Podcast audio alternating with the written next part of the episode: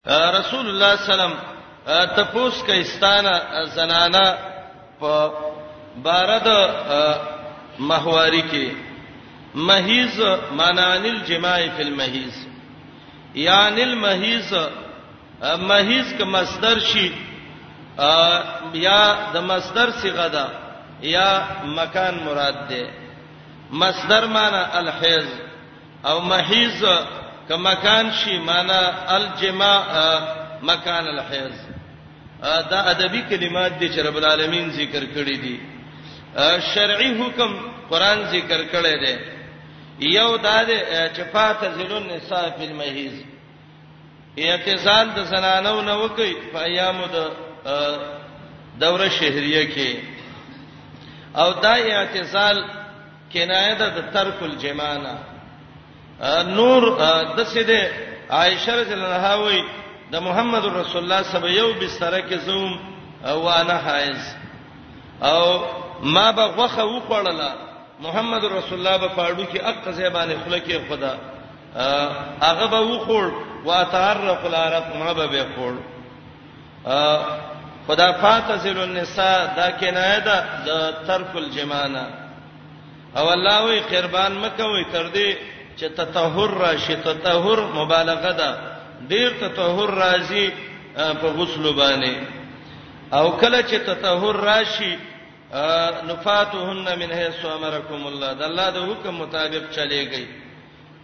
او د الله د حکم مطابق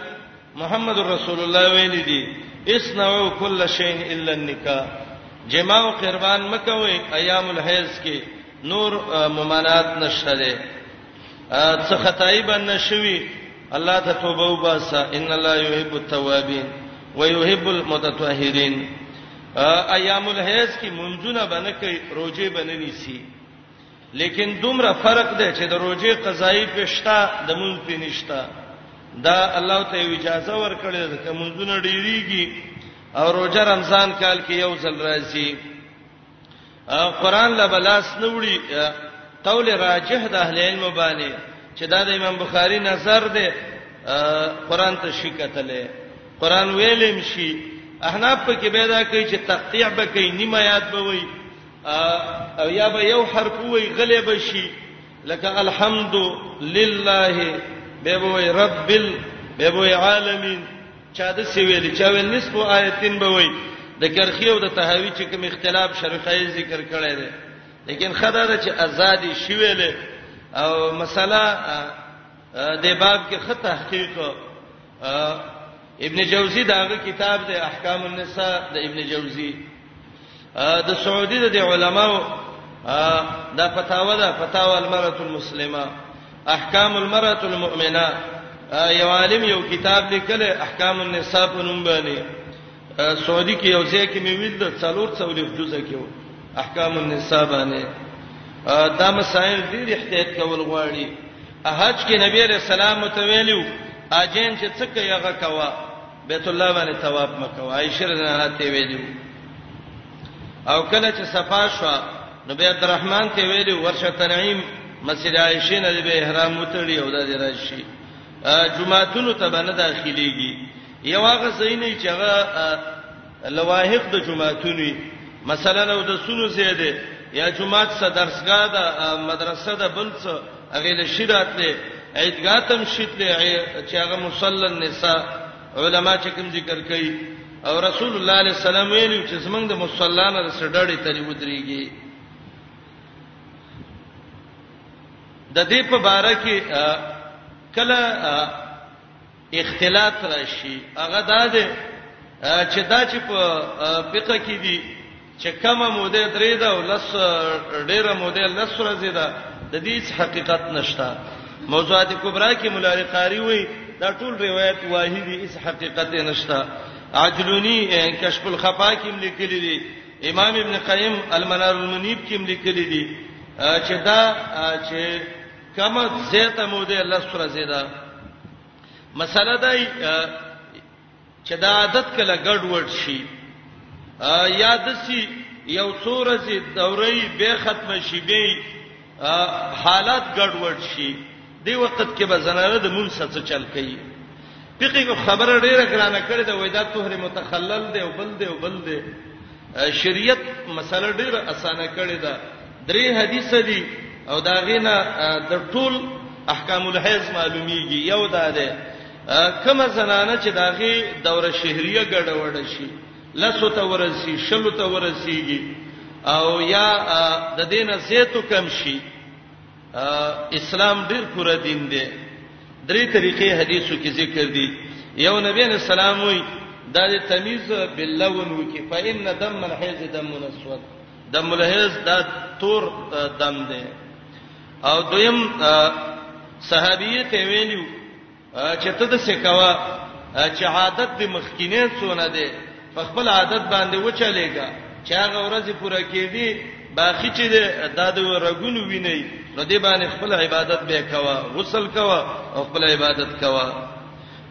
چې هغه ته ویل کی غالب عادت او دریم نخپل غالب عادت نه تمیز بالدم نه باللون نه به بس کوي نو به شریعت کې دا حکم دی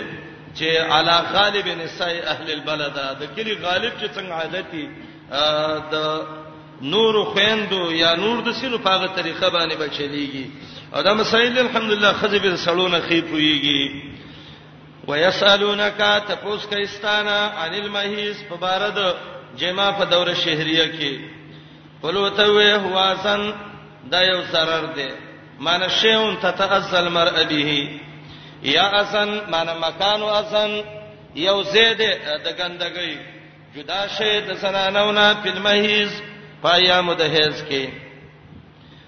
نزدېکت ته مکوي تر دې چې خې پاکي شي کله چې پاکي شوي په غسل باندې راتګ وته وکي من حيث امركم الله فاغت طریقه چې الله د ته حکم کړي دا د حیثیت نه چې رب حکم کړي یقینا الله مینا ساتي د توبه استون کو سا مینا ساتي د پاکون کو سا نساؤکم زنان استاسی تعبیر په نساو کو چې وینځو ټولو ته شامل شي ازواج یو نو ویل د کاله په مشترکو هر سلکم زید فصل استاسی ده راته وکي خپل فصل ته اناشیتون په کومه طریقه چې مخه می شریعت چې خودلی وقدموا لانفسکم مخکواله وکي خپل ځانونو لا هغه التسمیه عند الجماع یعنی د ولد صالح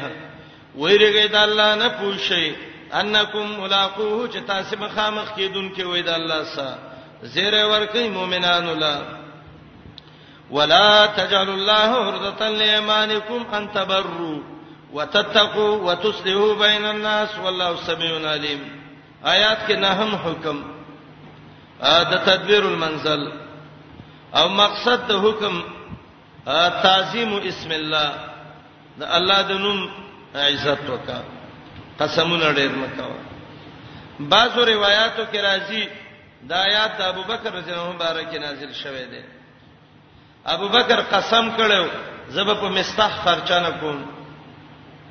ابو بکر قسم کړو چې زه د میلمه سناستم اته سینه چې د میلمه نه سره ډیر روړی وخورم قسم دې زه د میلمه سره روړی نه خورم مخه ته به ولګدم چې په خپل طبيعت میلمه وخوري او د ابو بکر عادت دا میلمه له به روړی راوړه او ورور څنګه کور ته لاړم په خپل طبيعت وخوره دا وبو دا روړی او ارت سم لړ ډیر راوړ چې کله ته مور شو کزناستم د سینه چې شرم وایاو کې ناشنا ملما دوست سره یا دویم دا چې دا آیات د عبد الله ابن رواحه رضی الله عنه مبارک نازل شوه د قسم کړو چې زبر د بشر ابن نعمان سره خبرې نکوم او دا او خیر ده آیات راغې قسمونه مکوي دا الله نوم دال مگر زوي چې نیکی نه کوي پرېزګاری نه کوي صلح نه کوي عرزه عربی کې دوه معنی دي یو معنی هدف او نخې ته عرزه وای یو شی دی ودرولې دی او پلاني تیم ول او زیم ولم دته عرزه وای او دویمه معنی عرزه مانع ته وای دال تم وای مانع تم وای او دې آیات کې اقوال خډیر دي خو زه دوه تفسیر کوم پکې چې هغه ډیر ښه مناسب د دې آیات سدي یو معنا ولا تجعل الله مگر زوین نوم د الله عرزتن مانع او ډال لایمانکم د خپل قسمونو د پاره ان تبرو الله تبرو چې قسم وکې چې زبانی کې نکوم قسم دې وک زماره په الله قسم یې زمون نکوم روزه باندې نسم وتتقو او ډاله مگر زوی د دې چې زمنګ دې قسمی چې پرېزګاری باندې کوو وتصلحو بین الناس قسم کوي د دې چې صلح باندې کوو د خلکو مینس کې بعضی خلک ته جرګه وکي تکلیف ته ورسی یاره وای ما قسم کړی زه به جرګوي ګوتې نه وام نه جرګه اسلامي وکا یو خوراکي جرګه یو اسلامي جرګه خوراکي جرګه دوه وران شوې دي او پنځه منځ کې ناس دي لس پنځه د یو په طرف یو پنځه د بل یو یو ته شیطانی کوي یو بل بل او یو یو ته پلاني نن به ته ګډالاله او بل به ته وای د څه څورب ګډالال کړي وګوره چې ته په کمزورې نشي دا پراکی جرګي د کې کېناستل ګناه دي جرګه مار چې جرګه کوي خپل ډوډۍ دی وخوري چې خبره په اثر باندې پوه شي قسم دینه مکه وای قسم می دی نیکی باندې کوم ما قسم کړل زمانور خېګړې نه کوم تقواګانو کې قسم کړل تقوا باندې کوم قسم دې صلح باندې کوم الله وې د سم کو مړه دا الله نوم درا واغست او ته دغه دی وکدا ډال دی وګرځاو د دې د پاره چې نیکی او تقوا او دا باندې کوم کبي خې ډالې ګرځې د سی ویو چې قسم په الله د ګناه کار باندې کوم د تقوا خلاف باندې کوم فساد باندې کوم د یو معنا مگر زوی نوم د الله ډال د قسمونو لپاره ان تبرو الله تبرو وتتقوا الله تتقوا وتصلحوا الله تصلحوا یا کراهیت ان تبرو چې دا احسان بد غنئ یا الله تبرو دا یو معنا ده دویمه معنا عرضه دا ورزتن دا مفعول دی او تقدیر د من دی عرضه په معنی د مانع سا نو معنی بدای مگر زوی نوم د الله منکون کې د دې کارونو نه همدغه سړه معنی ده مگر زوی نوم د الله منکون کې د دې کارونو نه چې د الله نوم یو مانع وګرځي چې نیکی نه کوم ولی ما د الله په نوم قسم کړي تقوا نه کوم ولی ما د الله په نوم قسم کړي صلح نه کوم ولی د الله په نوم می قسم کړي نو معنا بدای مگر سوي نوم د الله ورستن مانع لایمانکم د وجد قسمون استاسنا چې د الله نوم مانع وګرځي انت برو د احسان کولو نه وتتقو د تقوا کولو نه وتصلحو د صلح کولو نه تبرو په حقوق العباد کې تتقو په حقوق الله کې او دا تصلحو ذکر ک دته تخصیص بعد تعمیم وایي دا یو معنی وا چې یا الله تبرو کراهیت الله تبرو او یا او عرضه په معنی د مانع او د ډال سره دویمه معنا بعض خلک هغه کومز کوي په الله مې قسمي مونږ وکوم قسم دې احسان وکوم قسم دې تقوا وکوم قسم دې صلح وکوم کار نیکی خدا ام دقه مسلې له زور ور کړی بس ته الله نوم نه یوړال جوړ کړی د خبرې پاغ سرم قسم او په دې سرم قسم الله وې د سمکوا مگر سوي نوم د الله ورستن دال قسمون الله ان تبرو چې قسم کوي چې قسم می دي چې نیکی بکوم وتتقو قسم می دي چې پرهیزګاری به حاصلوم وتسلو بین الناس قسم می دي چې صلح به د خلق مینس کې کوم نه دا کارونه وکړو قسمونه په مکوا ډېر قسمونه مؤمن سره خایيږي والله سميع عليم الله دې ډېر اوریدونکو ډېر پوهه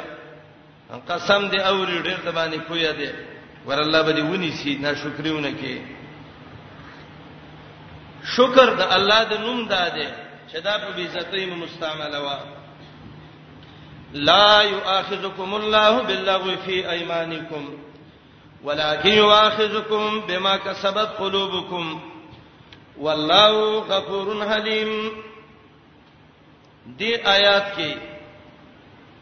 یو قسم د قسم دی چې هغه ته قسم لغو وایي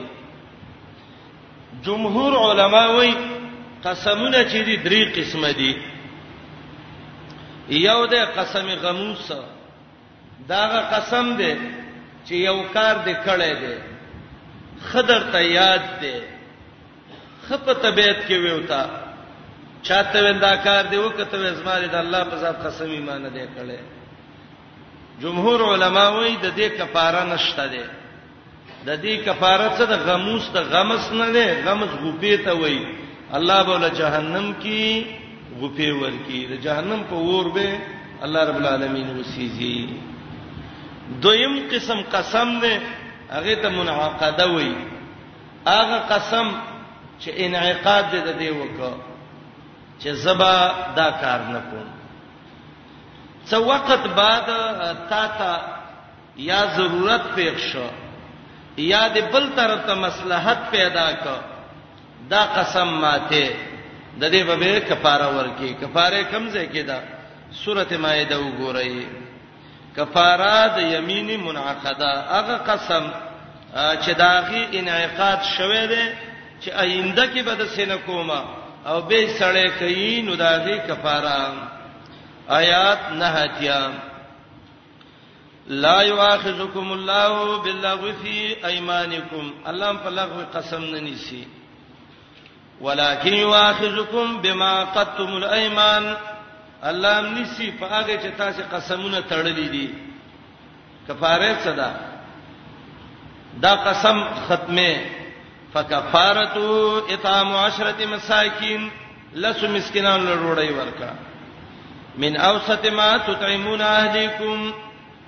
درمیانه غنه چې اهل ډوړی ورکه تفسیر به ان شاء الله د قایت کې کوم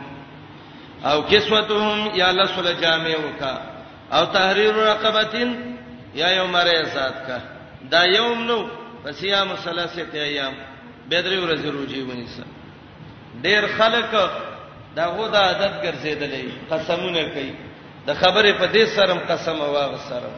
خبرې په دې سرم قران د به یو پاغ سرم د به محمد رسول الله وای دا منافق دی ډیر قسمونه چې څوک کوي دا منافق علامه ده او قسم دی وکړه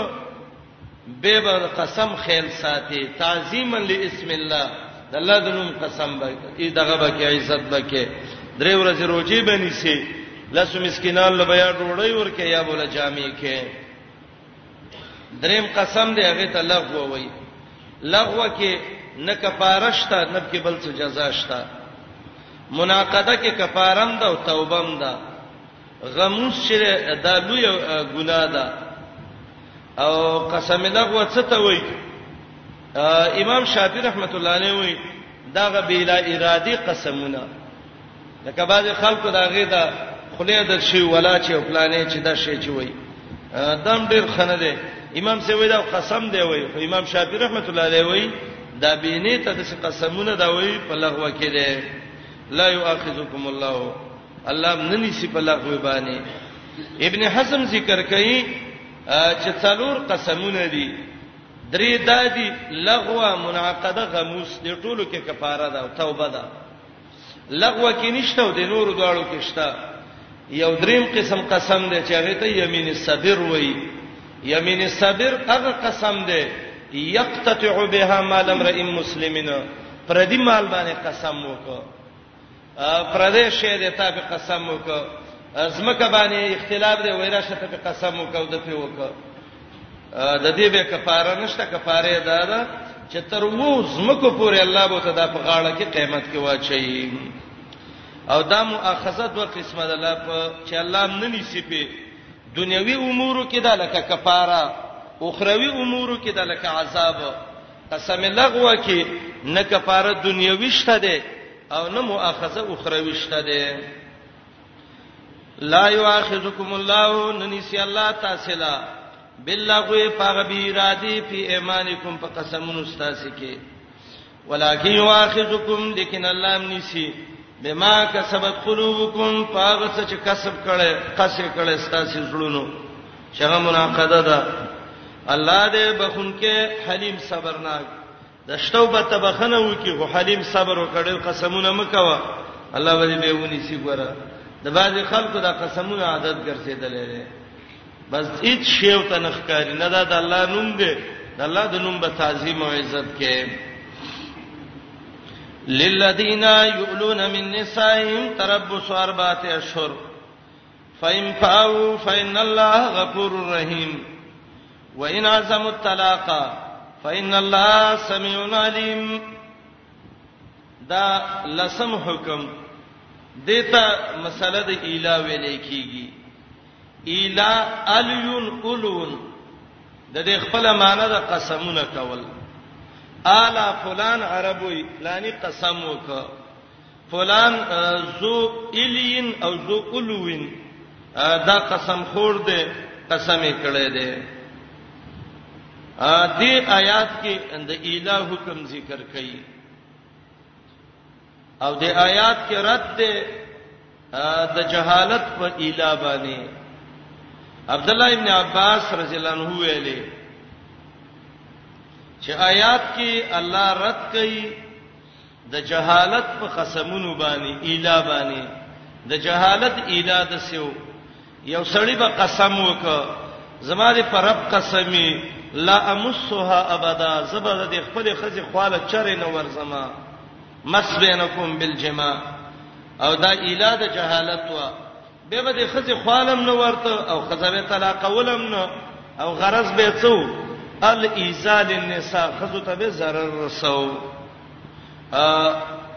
دا د جهالت علاوه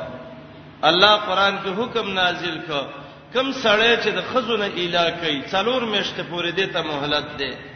څلور میشتو کې یا به رجوع کی که رجوع یې ونکړه طلاق به ورکی دا نشته ده چې خزه ته ته څوک اله وکا او په کلونو دې به کې نه ولې دا معلقه ونته د دې اله په باره کې دوه قسمه اله ده یو اله لغوي ده او دویمه اله اصطلاحي ده لغوي اله ویل کیږي مطلق قسم ته دار څلور میشتونه کم چی دته می اله وای لغوي معنی باندې ک یو ورځ یې متوي او کلس یو کشلی دی آیات ته لګه توجه کوي ښا د اکثر آیات باندې سره پوی نشي یې څه مقصد دی نو یو اله لغوی دا معنی څه ده قسم او دلیل دا دی عمر رضی الله عنه وی بخاری کې روایت ده و یوزم یوزما گاونډیو یو ورځ بس درس لتلم یو ورځ باغته چې هغه بلال ما به د دنیا کار وکړ چې زه بلالم نو به ما هغه وک چې کوم یو برالو نو بل مرګري ته هم سبق ویو دا وې زما د گاونډي طریقه وا او دی ورځو کې د غسان بادشاه لا په کولې چې زما او په مدینه کې محمد رسول الله د مرګري وجنما او ذلیل کومه وای زما د مرګري نمبر وو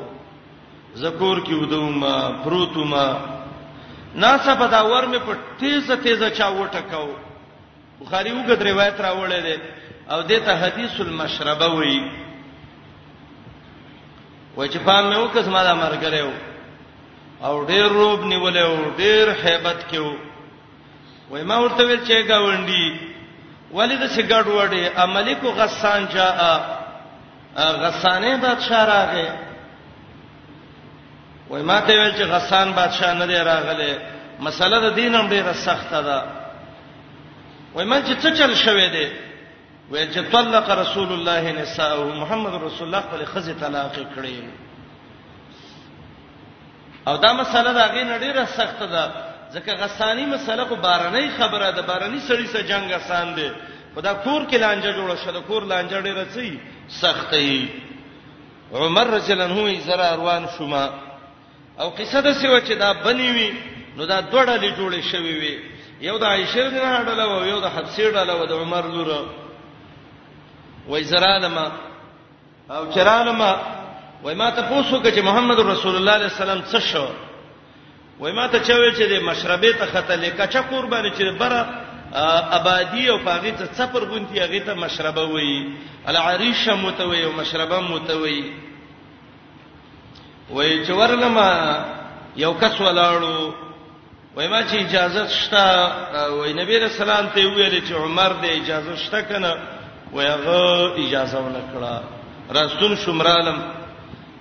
د خپل لور مې وا حفصه دې تم غوسه شوم چې گزارونه مې په وکړه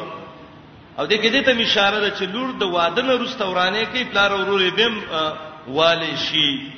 عمر رضی الله عنه دا لور والا تیمم حدیث کې راځي عائشه رضی الله عنها چې نبی رسول الله دا غي په دې خپبانه سری خيو وای فجعل يطعنني په خاصرتي ابو بکر راغه او زه په دې ګوته باندې د نصیب شان دې تشو کی والما وای ما ته چې محمد رسول الله دې د کړه نن کړه دې امونز ټیم دې بار وبنشته دې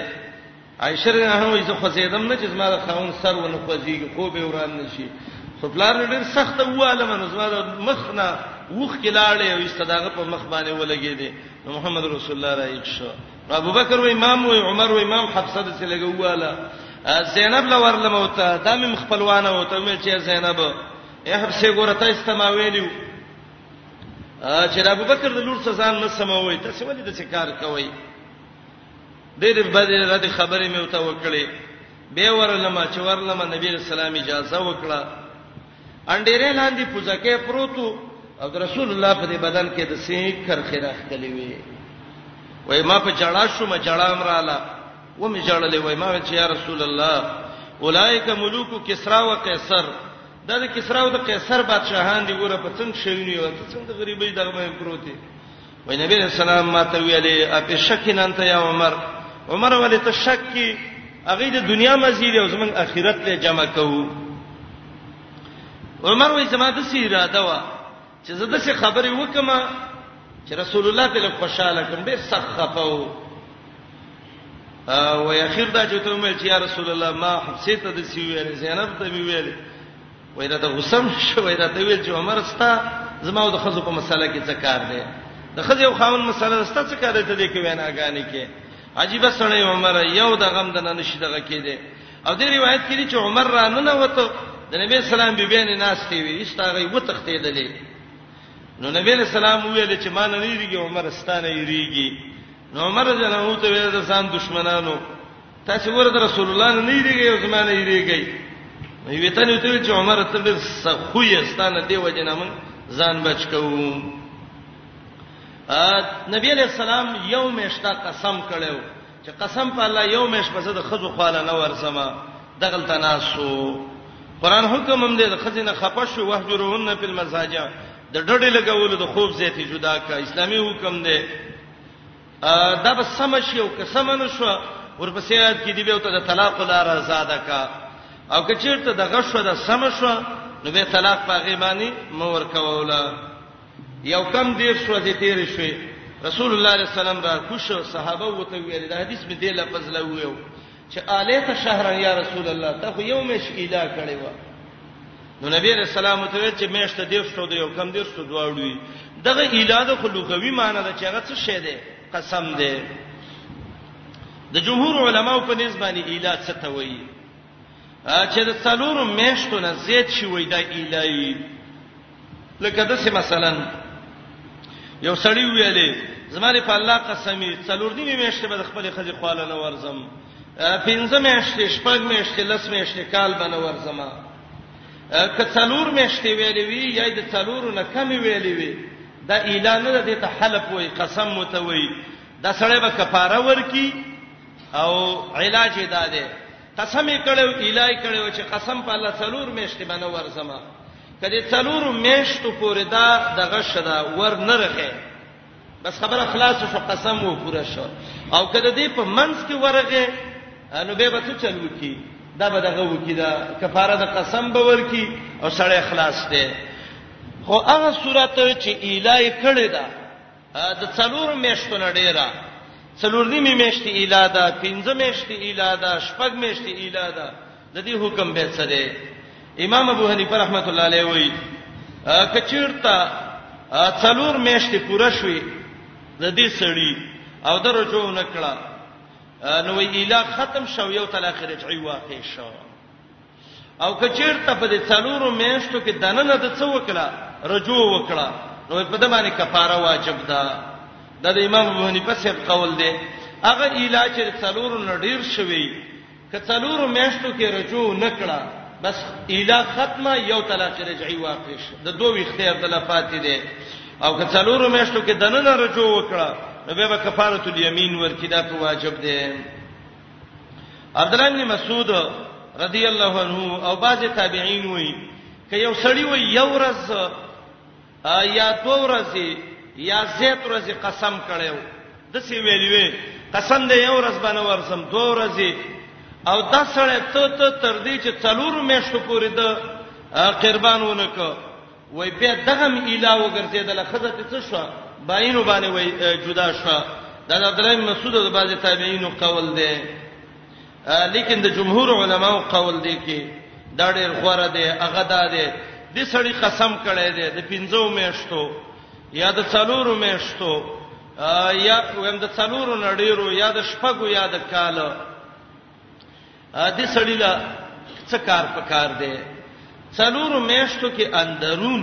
دا سړی د رجوع کی رجوع به څنګه کوي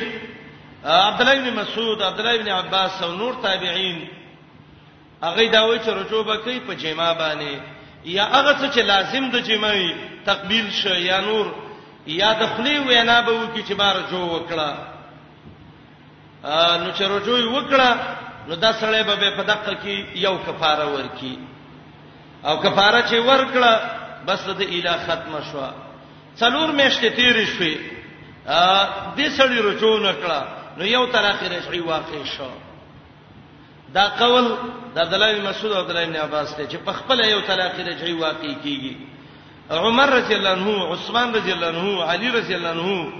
امام شافعی امام مالک امام احمد د دې ټولو قول دا دی ګوره د مخکې خبره او د دې فرق دا لزان کوي کوي مخکې دا و چې څلور میاشتې تیر شو نو ډایرک طلاق واقع شي اله ختم شو او عمر رضی الله عنه عثمان علی امام شافعی امام مالک امام احمد د دې قول دا دی چې الای ډیره کړي وا نو که څلور میاشتو کې رجوع وکړه نو کفاره د یمین به ورکی څلور میاشتې ختم شوي پوره شوي سړی رجوع ونکړه خپل طلاق وای نه واقع کیږي را به وسته شي قاضي به ودرې مخامخ وتوي به ستا خوخه ده رجو کې نو هم خوخه دي کرجو نه کې الله طلاق ورکا دا د فقې دغه کتابونو مقصد دی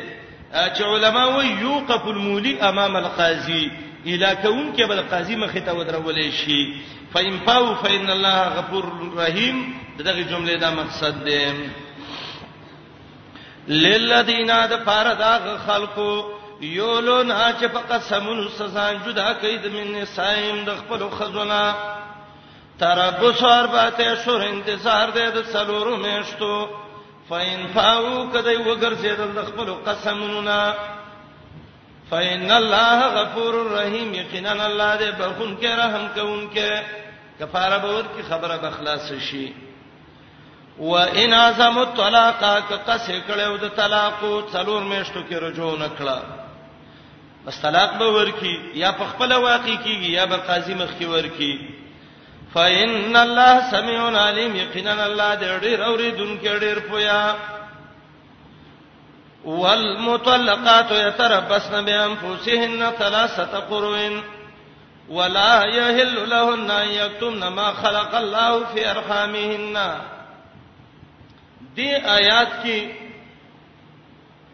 عدت ذکر کوي د طلاق شو خزو کما خزه چې طلاق شي د هغه عدت ذکر کوي السلام علیکم تعال کولو پخپلو دعا غانا حتا ته مطلقه هغه خزه ته وای چې خاون ولا طلاق ورکی اسلام ډیر د عدل او د انصاف دین دی خزه دا خاون دی د یو بل سره کور جوړ نه دی ار اور دبو غب دی او گاونډین دوی ته ولاړی څه باندې کې چې بس د خزې ژوندم برباد شي او د سړیم برباد شي شریعت حکم ذکر کړی دی یو جرګمات ول جرګه وکي څه د خزې طرف نه یو څه د خاون نه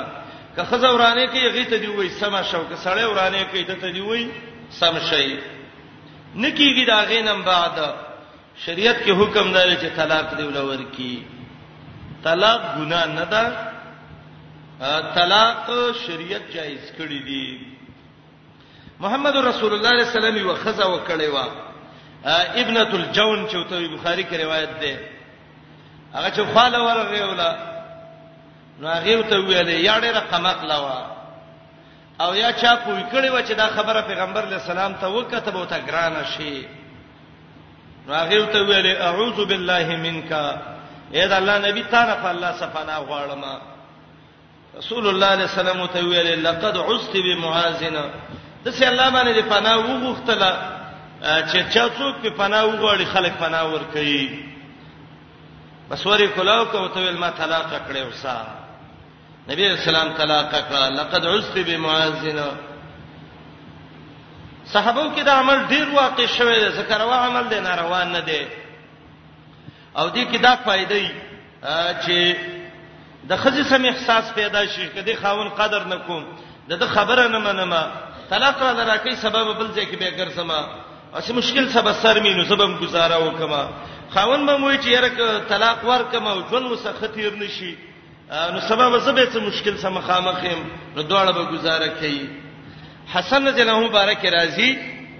چې وکانه مطلقا للنساء دته به مطلق النساء ول ډېر خزه طلاق کړي وي زوی پلار خط لګلې او کوپې والا وتا چې کوپې والا او د حسن له نور د نونه مور کوي لکه لسکم سل خزه حسن رضی الله عنه طلاق کړي وي مطلق النساء به وتوي هغه وته ویل موږ څنګه لور منی کو د هغه سړینا چې محمد رسول الله نو سید هغه ویل چې د زما خوشبوې ده مغیره ابن شعبه رضی الله عنه چې دا جهادي کمانډر وو صحابه کې دا ډیر زړور صحابه چي دي عبد الله ابن عمرو ابن العاص ته کان من دهات العرب مغیره ابن شعبه رضی الله تعالی عنہ عمر ابن الخطاب زبیر ابن العوام او علی ابن ابي طالب دغه صحابه چې دې ته مخې ته څوک نه راوته مګر د خاور څخه خاورې کړي دي مغیره ابن شعبه د سیو دغه عادت داو چې دغه خزه وکړو نو کور به وسنه جوړې ده مشکات کې حدیث ده و یا رسول الله خزه کوم او استکور مې وسورانی کی څونه خزه طلاق کړي وي امام نووي وایي وایي دیرشکم درې سو خزه طلاق کړي وي البدايه کې امام ابن کثیر وی طلق الف نسوه زر خزه طلاق کړي وي سکور به وسنه جوړې ده دا د حجاج ابن یوسف ثقفي چې دا کومه مور و دا مغیره ابن شعبه طلاق کړي و او دای په سبانه طلاق ولا دا په لار را روانه و بعضی خزه د سې چې هغه روانه يم خوراکونه کوي نه نه باید دا چې په اسلوب باندې ژوند تیر کی کور کې روانه و لګې دې خپل کې خڅنې وي مغیره خو خو نه ډېر تاریخ سره و کله چې دا هغه بادشاہ له راغلیو چا ته خبره نشو کولای د حبشو بادشاہ ته صحابه مغیره ته ول دته اوس خبره ته وکا زړور سره ماشاء الله نو دې ته ویل چې خو زه خزو خاون وسته طلاق کړه ته د خلې کې دا خڅنی ولې وې چې خبره واړه ورسته طلاق کړه یوسف ثقفی ګرځیدو چا ته ویل څه کې ویره وي خزه کوم او د تکړه خزه کوم اکثر د تکړه قابل خزي بچیم قابل وي وای د یو خزي ته مې ضرورت دی چې داغه دا شکل د سی چې هغه زړوري چا ته ویل لکه مغیره بن شعبه و خزه طلاق کړي دا دا شکل او دا سترګې د سی دي چې تلیدو ملوک بادشاہان براوړي هغه ویل څوک ته وی پلانې ستورغه په نکای واغستا شته ویل وسته د حجاج ته پیدا شه د بدبخت شه چې دا ډېر خلک د الله سره شهیدان شو تلیدو ملوکا مغیره ابن شعبه رضی الله عنه نبی رسول الله ته کور مې نه جوړی څه چلو کما وای طریقه دا چې ته کومه خزه کې نو دې ته وګوره نو چې ته وګوري دې ته نظر ال المخطوبه وې د اسلامي مسله ده چې باید یو بل ویني اسلامي مسله دې کې شرعي مانع هم نشته ده محمد بن مسلمه چې دا د مکی محدثو یو کور کې قتل سي ور کې نو چا ته ویل چې کور والا ته ویل ک محمد ابن مسلمه نه وې زماري پر رب قسمی چې مال د سترګه په خټنی والا هغه ول ز په نظر د خدوی سګورم هغه ول د سید له پیغمبر اجازه ورکړې ده شریعت اجازه کړې ده دا عثمان بن عفان ته نبی عمر بن الخطاب له د لور دراکا هغه ته څو نو ویلې به چې ځکه احرام کې د عثمان نظر دا و چې احرام کې به نظر له مکتوب خطبه بم نه کېو نکاح بم نه کې د عمر جاو نظر دا و چې خطبه جایز ده نو کله چې احرام یې کوز ک عمر جنوي زما مقصد هم دا و چې د عثمان لور د محمد رسول الله نو سیدا نو زما به د آل رسول سره تعلق پیدا شي دا مې مقصد وکي نو عثمان ته ویل زما لور د لدر کما د عمر جنو درې خزه نورې مې د سېشنې وې دی غالبا څلورم خزه وا نو ته ویلې د الله نبی عليه السلام طریقه ویلې چې څوک کما خزه کوي یینی به دا خبره دی وخت کې ډیره مشکله ده ځکه خلک د دین څخه عادي نه دي خو شریعت کې دا مشکله نه ده صحابه ته مشکله نه و هغه عادي نور جبیریم شته اسلام کې هغه لري خپل نشي لیدل څوک ور ولېګه چې هغه لویني کاغم نشي لیدل رسول الله صلی الله علیه وسلم وی دی ورونو ته وګوره فإن النساء تلدن اشباه اخوانهن سر خور ورور یو شان دي یو طریقه ده نو عثمان رضی الله عنه ته ویل سیدا نو لور ته ویلی ورشمیر المؤمنین دغه کې ده او بوله ورکا هغه چې ورغی نو عمر رضی الله عنه د خپې ته ول وکتل نو خدای الله د نبی نو سیوا او د عثمان لور وا وته ویلې دا نظر دې د څه وکدا ولولا انت امیر المؤمنین زکه کشف عن ساقها کته امیر المؤمنین نه وې والله لسکت وجهک بده چپړه مې دا مختله وو ته ګور امیر المؤمنین د سړې او ته د شکارونه کې اته ته ما په نکاح غستې زما خزه وې ایسته هغه وتخته د تلاړه دا نظر ال المکتوبه او دې طریقه باندې مغیره می شعبه ته محمد رسول الله علیه السلام ویلو کما خزه چې کې دې ته وګوره لعل الله ان یودم بینکما لا بل اتفاق او راولي او دا اکثر د سیونه شي بیا بس ټول ورځ ډبه او غپی د کلی د محلي خلک ټول ورځ د جنگونو نه بینه وزګاریږي دا ولی خلاف د سنت شي خلاف سنت نه په کار دی کې به ډیر خیری بس د اسلامي طریقې دی اگر که زمنګ استاد ذهن اخلي او کني اخلي خو باید چې موږ سمعا و طاعه وکړو تابعداري وکړو او دې کې ډیر خیری رسته ډیر فائدې پکې نو طلاق ناروا شی نه دی مقصد زما د خبرې داو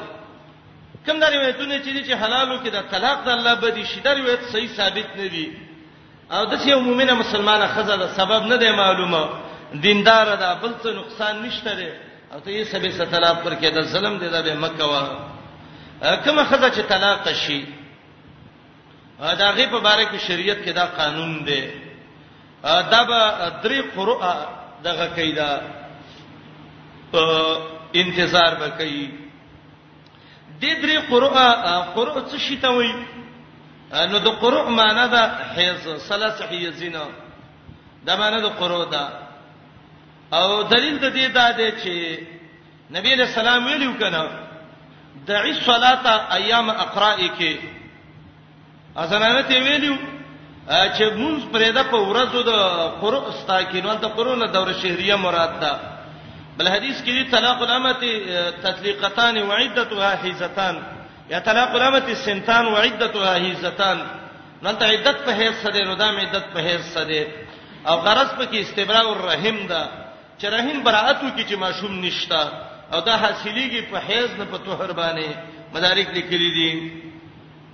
درې هزه انتظار وکړي کله دا انتظار د دې د پاره ځکه فإن الحامل لا تحیز مسله ده اگر کله بعض علماو نظر دی کوم دی چې حامله د دې دوره شهریه راځي خو اکثر عادت دار امام بخاری ته بعضی روایت ذکر کړی دي عمومي دا چې فإن الحامل لا تحیز د سینې چې دروغ وای نه نه ولا يحل لهن ان يكتمن ما خلق الله في ارحامهن اسی به نه کوي چې د دې رحم کې کوم ماشوم دی او دا وای چې نشته دی او بل چاته استواله کی چې دا بل سنیکاو کی دا دا غنه دی ته کله کې خلط د نسب راځي نسب باندې ګډوډه دی وجه اسلام کې دا ډیره لوی ګناه ده ګوره راځي خلک بچي وشي استبل لور کی لوري وشي بل لور کی زوی وشي بل لور کی دا ډېر عظیمه ګناه ده د سنه سبونه ورانیږي د سده مور او د بچیغه محبت ختم شي د الله نبی علیہ السلام وی وای من فرق بین والدته و ولده چا چې ورکوټه بچی د خپل مور نه جدا ک نو فرق الله بینه و بین احبته یوم القیامه الله به قیامت کې د خپل دوستانو نه جدا کی دا مرز نن ډیر دی ایر د پلانیزه کې مې خور د بچی نه کی دا زوی به ورکما یرا فلانی ځای کې مې خزه وي ورور مې ده بچی نه کیږي دا بل ورکم نو چې الله یې نه ورکړي ته د الله نه خپويږي پی بل شریعت دا علاج نه دی ذکر کړي چې د فلانی بچی نه کیږي نو تاسو دغه وکړئ دا دله بچی ورکړي ډیر صحابه د سی بچی نو ولکه یو صحابي ول چې په یو صحابي ول بچی ورکړي نسب ګډوډ شي د مور مینه ختم شي د مور پي ونه خوري ډیر مشکلات سخت شي شریعت د دې حکم ذکر کړی دی حکم یې دا دی اولاد یې نکیږي بچی نکیږي علاج معالجه دی کی د یو شرعي سبب دی دا غینه بد دایم نکیږي نو یو خزه ده نو یو دی ول بل وکی نو الله به دا غینه بچی ورکی یو دی ول بل وکی یو دی بل وکی څلور دی ول پوره کی الله به ول ورکی بوټو کې بازي بوټي د سی چې دا غي میوه نیسی بازي نه نیسی نو سړی به د سینو چې دا ټول باغ د دینه وامه د دې د لاسنا نه نه دا یو مشکل جوړي ولې ته به خور دا او که خاوند بل خزه وکی نو بنه به پیراشو پلانې بش محمد رسول الله صلی الله علیه وسلم هغه دوه خزه درې خزه څلور چې د یو سړی په نکاح کې او دا یو غواړي چې د دې بل عزت کم کی نو د الله لعنت او د الله قهر پاغه باندې وریږي د الله تبعی او غضب پاغه باندې وریږي رسول الله صلی الله علیه وسلم یو صحابیه راغلی و و یا رسول الله زما بل مرګری ده او که زاغه تاسو پیسې را لورونه راکې او نور څوک راکې او زاغه ته ویم چې دا خاون راکې نو دا څنګه یې نو حدیث کې ډېر معنی دي چې دا د سیدې لکه نبی رسول الله وی چې هغه دوه جامې د دروغ واغوستي یو منه علما دا کوي چې الله به دې خزه ته د ور او د د ور کمیس او پرتګ بوته الله واغوندي کلا به سي سو به زورینا نو بس دا دا قصه و چې ولی چې په خور مې بل را بنران شي او بل را چې الله یو شی جایز کړی دی محمد رسول الله دی امت کې غوړه سړی هغه دی چې داغه خزې ډیری عبد الله بن عباس رضی الله روایت دی خيار هذه الامه اکثرها نساء در عبد الله بن عباس رضی الله اثر دی خود سیم نه پکار د خلکم زیاتی شروع کړي دی هغه دوه خزې وکی نو بیا غوینه ملکه جوړه کړي او بل د سیل کې گاونډي خزا نه نه دام غلطه خبره ده شریعت کې دا چې عدل به کې اسلامي طریقې باندې به چلےږي جامه کې به فرق نه راولي خوراک کې به نه راولي قسم الليالي کې به نه راولي شرعي اسلامي طریقه باندې و چلےږي دا څه مشکل جوړ شوی دی خو خزو مسلمانانو دا ویل ګوره پلاني چې کې پلاني بل خزا وکړو چې وکړه سړی وشړل او د سړی بچي وسره سوالونه کوي او د سره ملنګ غونتی حیثیتي نو هغه د بلا نه دونه نه یریږي لکه د بنې نه چې څونه یریږي دا ولی سړو زیاتی شروع کړ کم سړی چې داغه دوه درې خزي حدیث کې دی فرق کوي قیمت کې برابر شي او دا یو طلب به مفلوجي فالج بوله والی کله دوه خزي درې چې یو سړی په نکاح کې کوشش تا کوي چې دا یو ز ذلیل کوم دا بل وې ځای عزت مند شم دا کمزوري شي محمد رسول الله وې دا الله قهر او غضب دې په دې خزبان دی وشي اسلامي ژوندونه تیر کړي چې الله رب العالمین د اسلامي پیتن د کورونو نه ختم کړي ولا يحل لهن يكتمن ما خلق الله دینه به دا مشکل جوړ شي پر دې بچی راوالی پلاني لور کې او د بل غراوالی بل لور کې او بل بل لور کې اسلام دا کم ځای کې ویلي دي او تاسو په الله یقین وکړئ زه ته یو خبره وکم او دا ځان سره ذهن کې نوٹ کړئ قسم په الله په الله مې قسمی کچرتا پردې بچي بچي کېدل او چا ور کولې یو هغه بچي چې خاون کې د خزي شریکی مثلا دی وی خزي نه یو د بل نه شریعت دې ته بچي ویل دي کله یو ته وی یو کني وی قران کې ته الله بچي ویل دي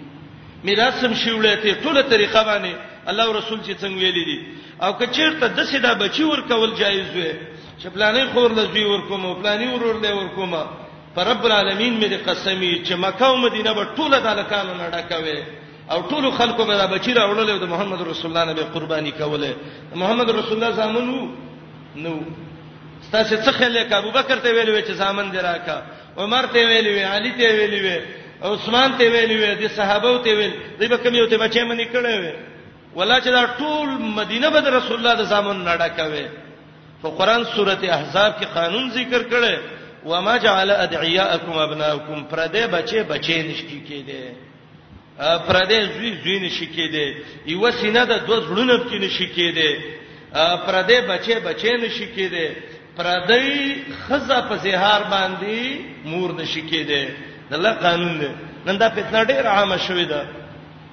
ولې شیبانم دا قصې کوي قارینم کوي یمینم کوي یجینم کوي تبلیغینم کوي جمعتين هم کوي دا ټولي کوي دا ولې د خلکو د الله د نبی د حکمونه د سیګړ ورکړه ولا يحل لهن ان يكتمن ما خلق الله في رحمهن دته فهم د قران ویات مقصد دا دی چې پر دې بچي به د بل چا سره دغه کې ان كنا يؤمنن بالله واليوم الاخر کله رسول باندې چا باندې ایمانی یو ماشوم پیدا شو دا غي مور مړ شي هغه بل چاله ورکول شي تاسو بلک صبر وکړئ والوالدات يرضعن اولادهن ان شاء الله دا قضیه کې روان دي دا غي طریقه چې هغه څه طریقه ده ان شاء الله بیانو مې کله په خیر ورور رسول دي پورې مخ کې ده دا یو قسم خزې چې هغه طلاق شوی دي درې حیزه به انتظار وکي دویم قسم عدت خود دې مطلقاتو نه هغه مطلقي مراد دی ګره چې هغه مدخول به هم مطلقي خاون جماع قربان وسه شوی دغه دا حکم دی دویم قسم د سې دي چې هغه غیر مدخول به هادي نو داغه عدت وګورئ قران کې سورته حساب راوړوي دا د عدت آیات وشوم به نو نور څه قران کې رستا به به چې دې عدت څه دی او دې څه دی سورۃ احزاب وګورئ غالبا یو کم 50 آیات دی لکه چې الله د عدت ذکر کوي د هغه خزي چې هغه غیر مدخول به هدا کوژدن شوی دا طلاق شو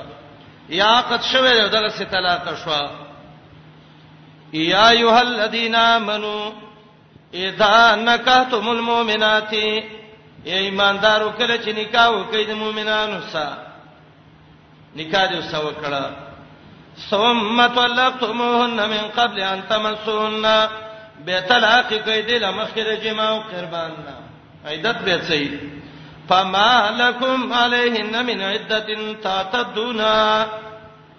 ستاسو په دې ته عدت نشته چې عدت تیرې عدت ته څه ضرورت ده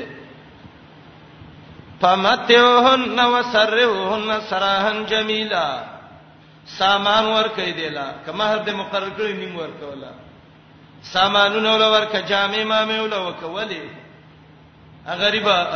د واده نه مخ کتابه طلاق شوی نوم کې خود کلی کې به خلک کوئی پلاني طلاق وروته چل بب کې وکنه زته ایواز ولور کچ دا جبیره دا غیوش وسرهن سراهن جمیلا او صادق دی له پاسه دا ولو خيسته وبانی سنت طریقې مطابق دا عیدت د غیر مدخول به هاده چې عیدت نشته دریم قسم عدت د هغه زنانو چې خاوند یې مړ شي او دا په ایام الحمل کې خاوند یې مړ دی حامله ده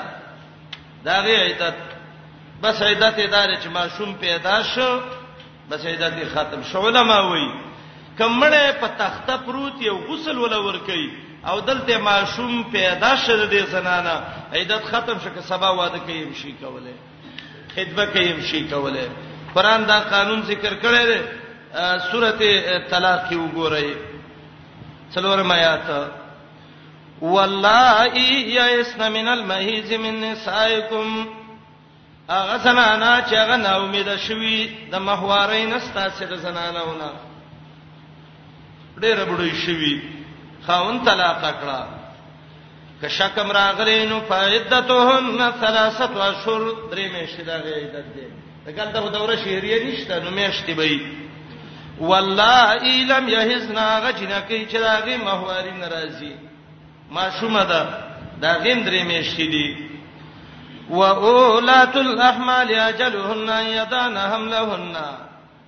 هغه زنانا چې حاملی داغه عدت داده چې وزیږي خپل خاون حمل حمل وزیږو بس ختم شو خدای د تونه غره جدا دي ښا سره متعلقو دي او څنګه د خاون ته مړ شوی دی چې به باندې خبرت را نشي او کومه زنانه چې هغه وینځي نو دا غي حکم حدیث کې دی چې طلاق دوه دي عدت دوه میاشتې دي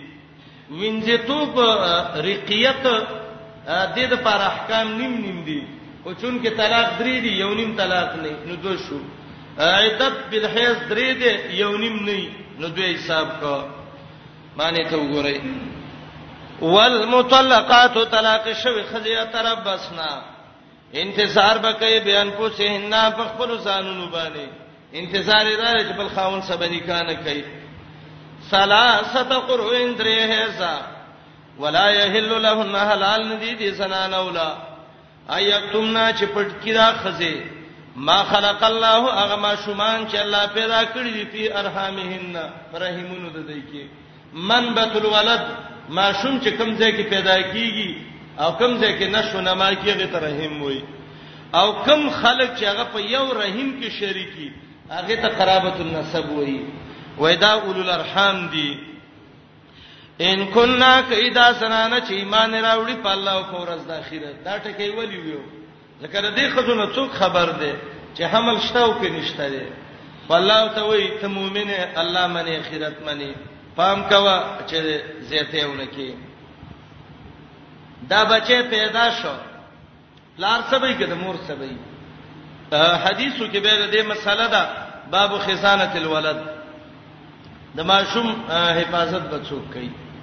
بعض علما وایي بعض روایتونو کې دي اول خو اتفاقی په دې باندې ده چې د بلوغ پورې دا ماشوم به د مور سي چې ماشوم غټ شي هغه پورې ماشوم به چا سي د مور سي هغه نه بعد پلار پسې بزي یا به اختیار ورکړي شي یا به قرعه او خڅنه واچلې شي خو خدا دا چې بلوغ پورې به مور سي خرچه به پلار کوي چې بالغ شو به با د دغه سزیدا د پلار پسې زی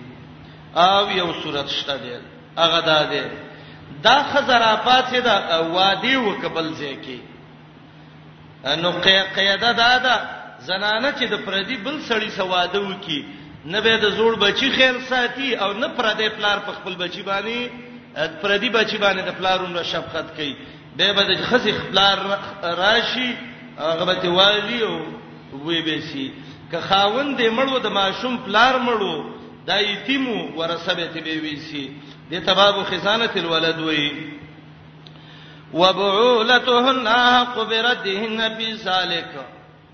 خاوندان د دې خزو ډېر لایق دي پرد کولو د دې خزو په ذالک په وخت د عیدت کې ان ارادو کده د اراده و اصلاح اند جوړ جاړي آیات څه مقصد دی اول د آیات کې دا بعولتهن دا دریمه جمله ده اوله جمله دا و متلقات يتربصن بانفسهن دویمه جمله ولا يحل لهن يكتمن ما خلق الله في ارحامهن دریمه جمله وبعولتهن حق بردهن فی ذلک مقصد د درېمې جملې څه دی ذکر مصلحت العده د عدت څه پیدا ده نو د عدت پیدا ده دی اسلام کې د طلاق او طریقه رست آیات کې بیانو خزه طلاق شو د لا د خاوند نکاح نه پوره وتلې نه ده دې عدت کې خزه پیښو چې زه خاون می جدا کړي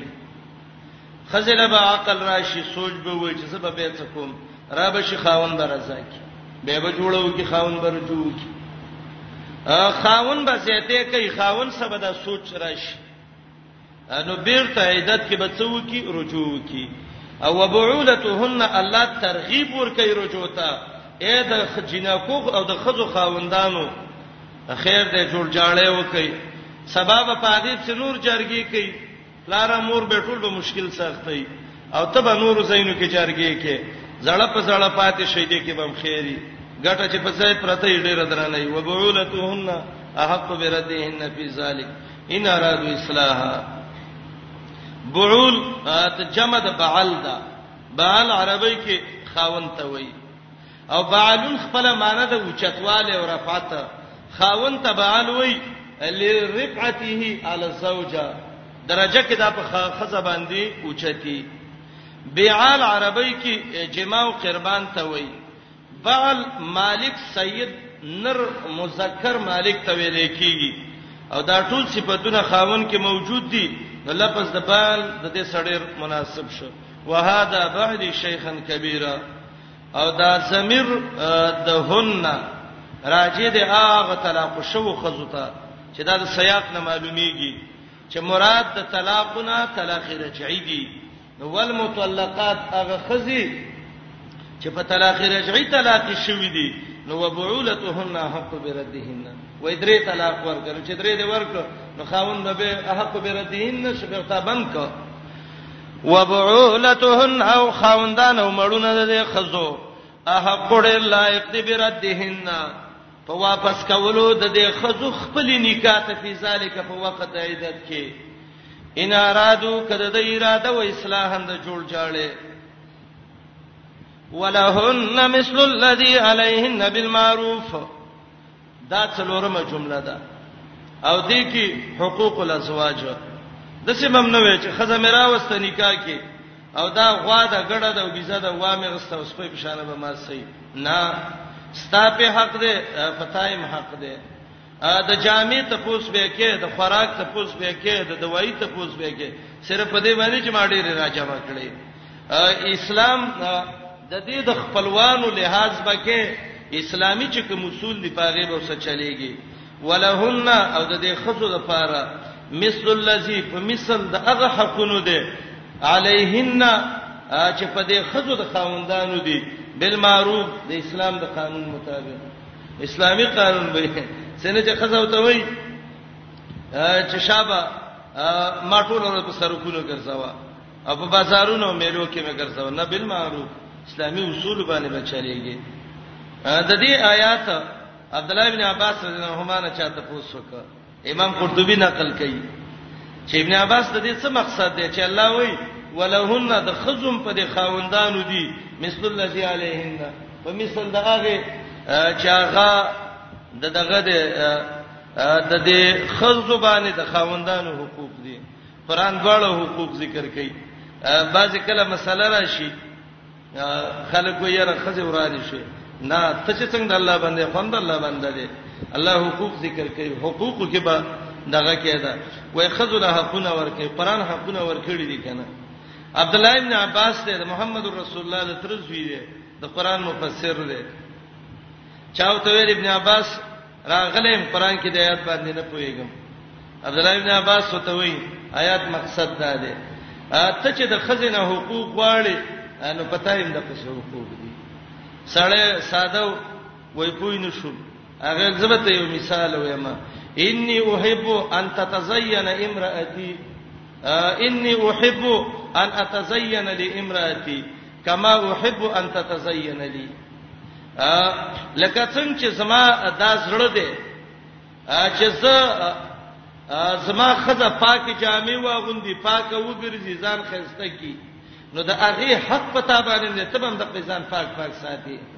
د زنه چې د سخیرنی چې په جمعه کې جامې نه بدله او د ټول کلی مچان او ماشي دپسی او ځان دې یو ګن جوړ کړی دی نه نه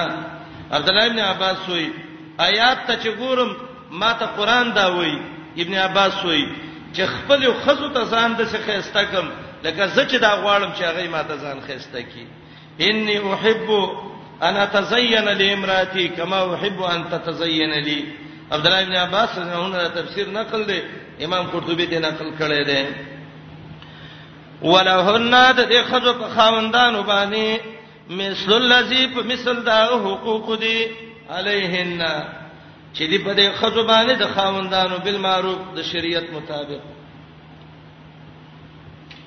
وللرجال علیهن درجه والله عزیز حکیم آیات کې دا پنځمه جمله ده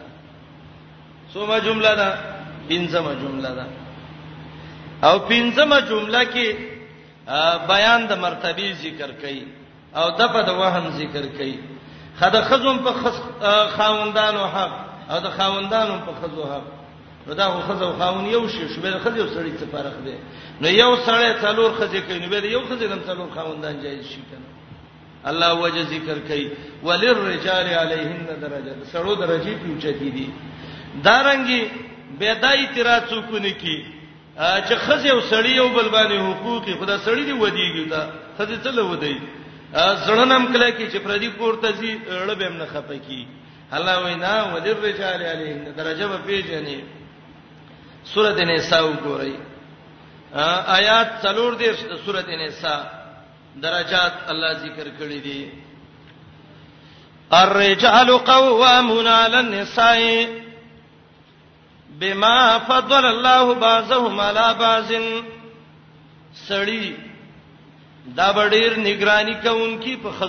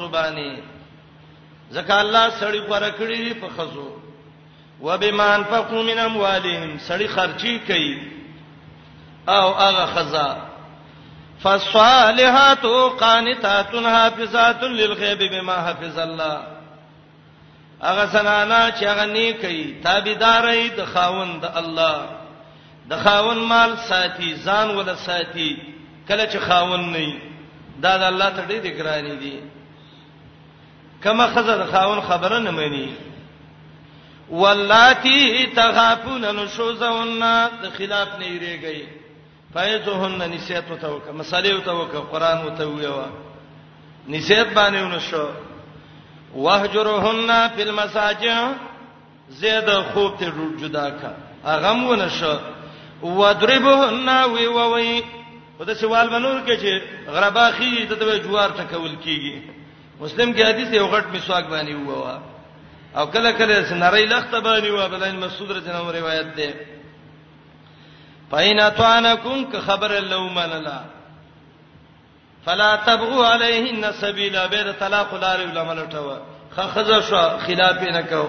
ویز الله دې کور د باندې آباد کی او کچیر ته خبره بهم نه منله سرکشي کړي و نو الله سبیل ذکر کړي لار کولاو ده وې په مخه دې خطالب الله بل خاوندر کې مالا بل خزرا کې اسلامي حکم دی ورپسې وین خفتم شقاق بینهما قران د سلاری ذکر کړي چې به جنگ جګړه نه جوړيږي وللرجال لپاره د سړو علیهن په دې خزو درجهتون درجه ده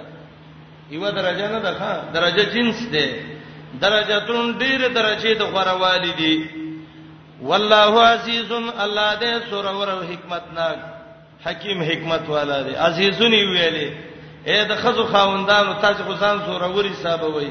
او ظلم مکوي الله دې سور ور دې